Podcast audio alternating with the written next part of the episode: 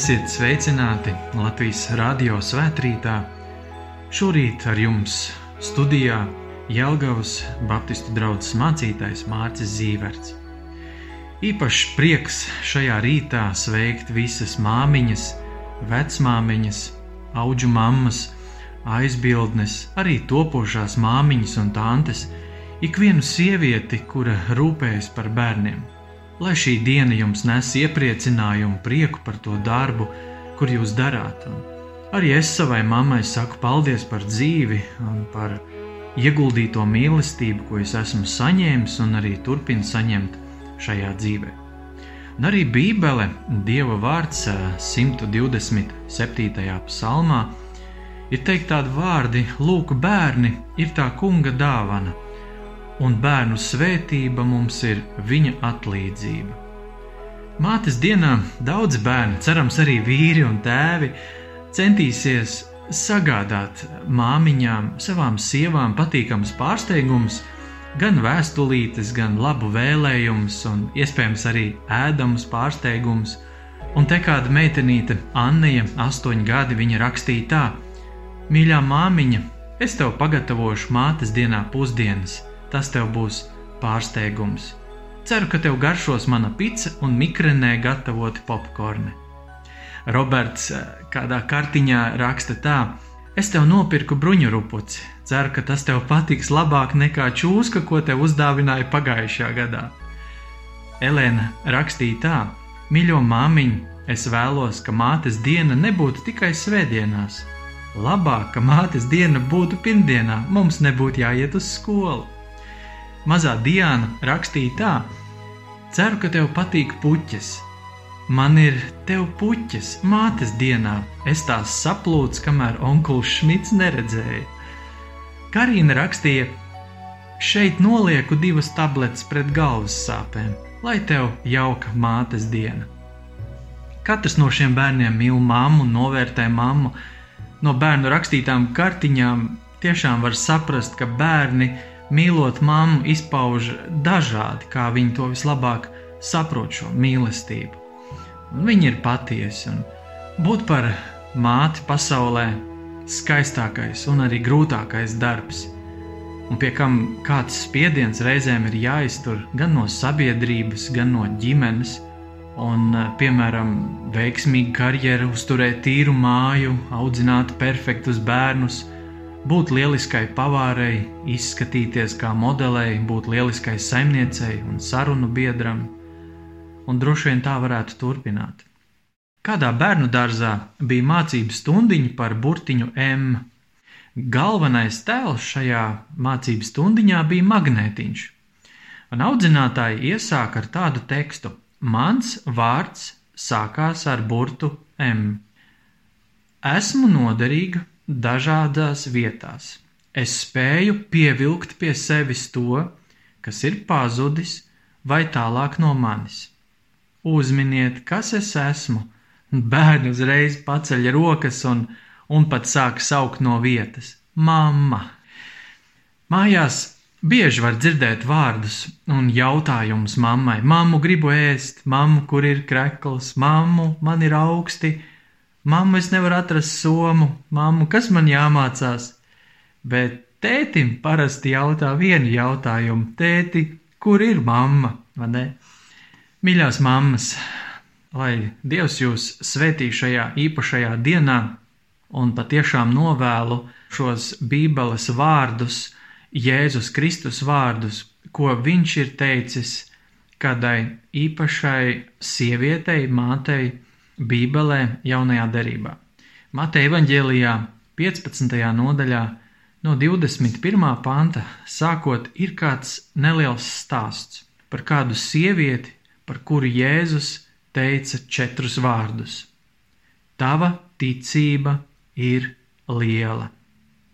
Ziniet, tas ir kaut kas ļoti īpašs, jo Jēzum bija daudz sekotāju, viņam bija īpaši izraudzīti vīri, mācekļi, un ne par vienu no viņiem viņš neteica šādus vārdus. To viņš ir teicis par kādu māti, par kādu sievieti, pat kura nebija tajā laikā diezko pieņemama, patīkama tai sabiedrības daļai, kurā uzturējās Jēzus. Bet viņš ir teicis par viņu tādus vārdus: Ak, sieva, tava ticība ir liela, lai tev notiek, kā tu gribi. Kas būtu tāds jāizdara, lai Dieva dēls Jēzus Kristus pateiktu tādus vārdus par cilvēku, tādus vārdus par sievieti, par māti? Un šeit ir daži komentāri no, no tās situācijas un laika. Viņa bija kanāniešu sieva, iespējams, atnākusi no Palestīnas, no tādas vietas, kurā jūdi tā netika cienīti. Jūda acīs viņa varēja būt kā pagāns, kurai nav vēlama atrašanās vieta starp jūdiem. Tas, ko mēs saprotam no tā teksta, ir, ka viņai ir vismaz viens bērns, meita, un viņas meita ir slima. Viņa tiek mocīta no ļauna gara. Tas ir viss, ko mēs par viņu zinām. Un eh, viss, ko mēs varam par viņu zināt, varam izlasīt, ka Jēzus viņai saka tādus vārdus, kurus viņš nav teicis saviem mācekļiem. Tikai četri vārdi padara šo sievu par lielisku māti, par kuru esam lasījuši Bībelē. Un šie četri vārdi ir: Tava ticība ir liela. Ko tādu šī māte būtu darījusi, ka izpelnījās tādu atzinību no Jēzus Kristus, un es vēlos izcelt tādas trīs nozīmīgas lietas par šo māti, par šo sievu. Tā pirmā varētu būt tāda, ka viņa pārvarēja lielus šķēršļus. Ko es ar to gribu teikt? Ja ņem tos laikus, tad, tad viņa bija sieviete un Un tajos laikos palīdzību bez vīra atbalsta sievietē bija ļoti grūti saņemt. Viņa bija kā pagāns, tātad nevēlama tajā cilvēku grupā, kurā uzturējās Jēzus, un viņa bija kanānieti no zemes, kuru jūdi nepieņēma. Un tātad mums ir zināma sieviete, kurai ir ļoti liela vajadzība, un viņa ir gatava iet un kāpt pāri dažādiem šķēršļiem, mūriem, lai kas tas būtu, lai lūgtu Dievam palīdzību, lai lūgtu Jēzum palīdzību. Ticība prasa pielikt lielas pūles, lai tiktu pāri lieliem šķēršļiem, kuri mums traucē. Kas tieši šo sievieti pamudināja pārvarēt šķēršļus un nokļūt pie Jēzus tūmā, jo viņš taču bija jūts pēc skata, nu, tāds pats, Mācekļi, kas bija ap Jēzu, šo sievieti atraidīja, bet kas viņu turpināja vilkt, meklēt Jēzu? Un es domāju, tās varētu būt šīs dažas lietas, kas ir izceltas. Pirmkārt, jau izmisums. Viņa zināja, ka nebija labi un pareizi dzīvojusi. Iespējams, ka viņa bija mēģinājusi atrast palīdzību citur, bet tā nebija īstā palīdzība. Un tagad viņa meklē palīdzību pie Jēzus Kristus, lai ko tas viņai maksātu. Vēl kāda lieta - mīlestība. Mīlestība pret viņas bērnu, mīlestība pret viņas meitu. Mīlestība lika pieņemt Jēzus klusumu. Mīlestība lika ciest noraidījumu no mācekļiem. Mīlestība lika atbildēt Jēzum pazemībā.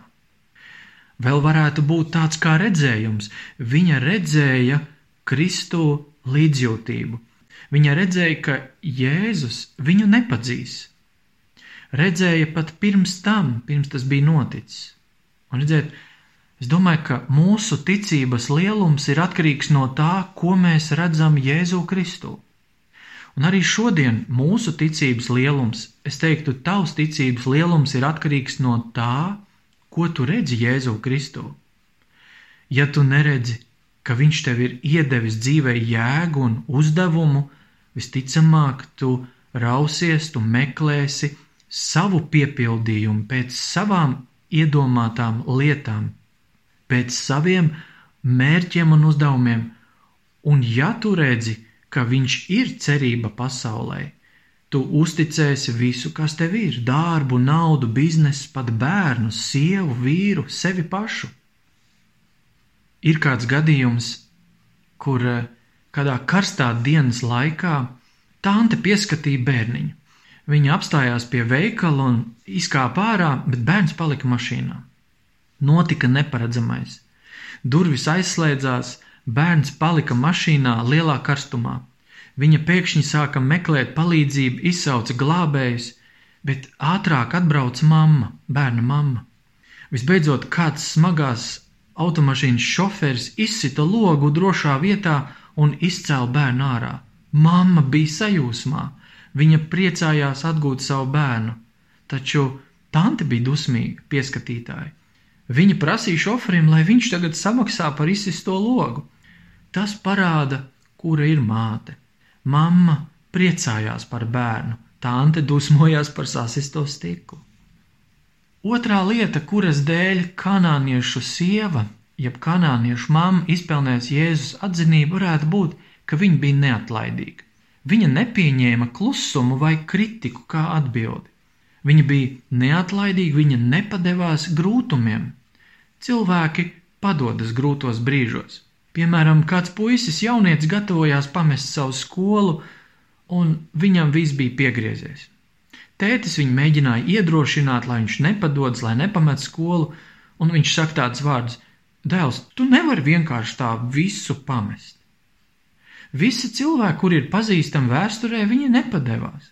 Nu, piemēram, vai esi lasījis un mācījies par Tomasu Edisonu? Jā, viņš saka, nu redzi, tu viņu pazīsti, jo viņš nepadevās, bet iemesli bija, vai ne? Vai esi mācījies, zini par Robertu Falkonu Skotu?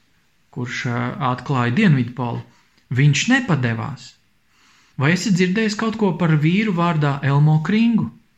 Dēls jautāja tēvam, kas tas tāds? Tu viņu neatceries, un tu viņu nezini? Un tas ir tāpēc, ka viņš padevās. Tātad ir trīs lietas, kuras varēja šo mammu atturēt, turpināt meklēt palīdzību, palīdzības ceļu pie Kristus. Kad viņa pirmo reizi gāja pie Jēzus lūgt palīdzību, Jēzus klusēja. Viņš neko viņai neatbildēja. Draugi, neapstājieties arī jūs, mīļās mātes, neapstājieties, ja jums ir sajūta, ja jūs domājat, ka Dievs klusē. Neapstājieties pat tad, ja visi klusē. Vēl kāda lieta, ko viņi pārciet, ir pārmetumi no mācekļiem, viņa gāja un sekoja mācekļiem un brēca un sauca uz viņiem, ka viņa vēlas tikt pie Jēzus, un mācekļi viņu atraidīja. Un redziet, vēl kāda atbilde no Jēzus, ko viņš pateica šai sievietei, ka viņš ir sūtīts vienīgi pie Izrēla cilts pazudušajām avīm. Tātad to varētu saprast, piedod sieva, tu nepiederi pie pareizās cilvēku grupas – Tev nav tiesības pretendēt uz tādu dievu žēlastību. Tā varētu saprast, bet tā nebija. Viņa necentās analizēt, ko Jēzus teica, bet pazemībā turpināja no sirds atbildēt. Viņa nometās uz ceļiem un vienkārši teica: Kungs, palīdzi man! Un tā, mīļie, ir ticības stiprākā daļa - atdot visu, piedzīvot izmisumu, palikt pie Kristus. Un trešā lieta, kas varētu būt tas lielais šķērslis, kurai viņa tika, kurai viņa kāpa pāri, kas varēja būt viņai ļoti, ļoti grūti, proti, viņa neuzstādīja prasības, viņa neizrādīja pret dievu pretenzijas, viņa drīzāk paļāvās uz dievu žēlastību. Tad, kad Jēzus viņai atbildēja pirmajā brīdī neizprotams vārdus, 26. pantā ir teikts, neklājas bērniem maizi atņemt un to mest suņiem priekšā. Pēc šiem vārdiem viņa neizplūda asarās, tā sieviete. Viņa negāja projām, bet uz to viņa atbildēja sirds pazemībā, tā ka atbilde pārsteidza Jēzu. Tas varētu skanēt šādi: Tiešām, kungs, es nevaru pretendēt uz tevi, un tādu žēlastību, kura paredzēta Izraēla bērniem bet ir jābūt vēl kaut kur kādai rezerves žēlastībai pagāniem, tādiem kā es, lūdzu to žēlastību, tādai kā es, kungs, es tev lūdzu. Un ziniet, nav jābrīnās, ka Jēzus par viņu saka, sieva, tavu ticība ir liela. Draugi, nepadodieties, kad gribas visu pamest. Nepadodieties, kad ir klusums no Dieva. Nepadodieties, kad ir kritika un noraidījumi. Jēzum Kristum ir žēlastība arī tev. Tici, un tas, ko no tevis prasa, lai tu to pierādītu, ka tu patiesi tici, kā šī sieviete, viņa nepadevās, atzina sevi par bezspēcīgu un cerēja uz Kristu, uz Dieva dēlu. Redziet, arī mēs šodien dzīvojam laikmetā, kur ir dažādas grūtības, ir dažādi pārsteigumi un apstākļi, kas mūs pārsteidz un ieved mūsu ciešanās, pārbaudījumos. Un, ziniet, es pats to ļoti labi saprotu. Ir mātes, Ir sievietes, kuras gribēja bērnus, un tas nav noticis. Es esmu bijis līdzās kādiem pāriem un sievietēm, kurām nav bērni, un varētu būt tāda sajūta, ka Dievs ir atstājis, bet ticiet, Dievs nav atstājis. 113. psalmā, 9. pantā ir kādi apsolījumi vārdi. Viņš dod bez bērnu sievai vietu un tiesu namā ka viņa kļūst laimīga bērnu māte. Aleluja! Tādi ir šie vārdi. Ar šiem vārdiem es vēlos noslēgt un ticībā lūgt vispirms mīļās mātes, māmiņas par jums, un tad par tām sievietēm, kuras varēja būt mātes, un tas nenotika, un kuras vēlās būt, un iespējams dažādu apsvērumu dēļ tas nenotiek. Mēs lūgsim Dievu!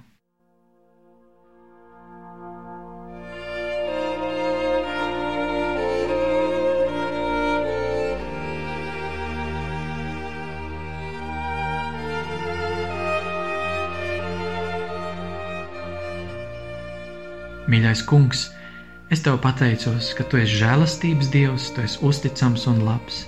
Svetī mūsu mātes, svetī mūsu māmiņas bagātīgi, lai ieguldot šo mīlestību, ko tu viņām esi devis, mēs varētu turpināt vairot brīnišķīgus cilvēkus šajā zemē.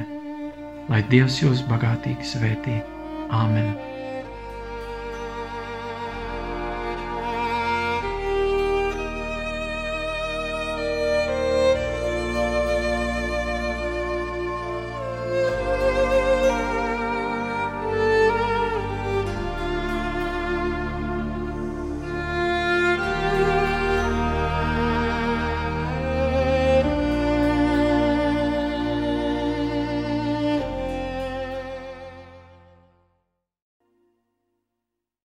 Svētrītā ar jums kopā bija mācītājs Mārcis Zīverts.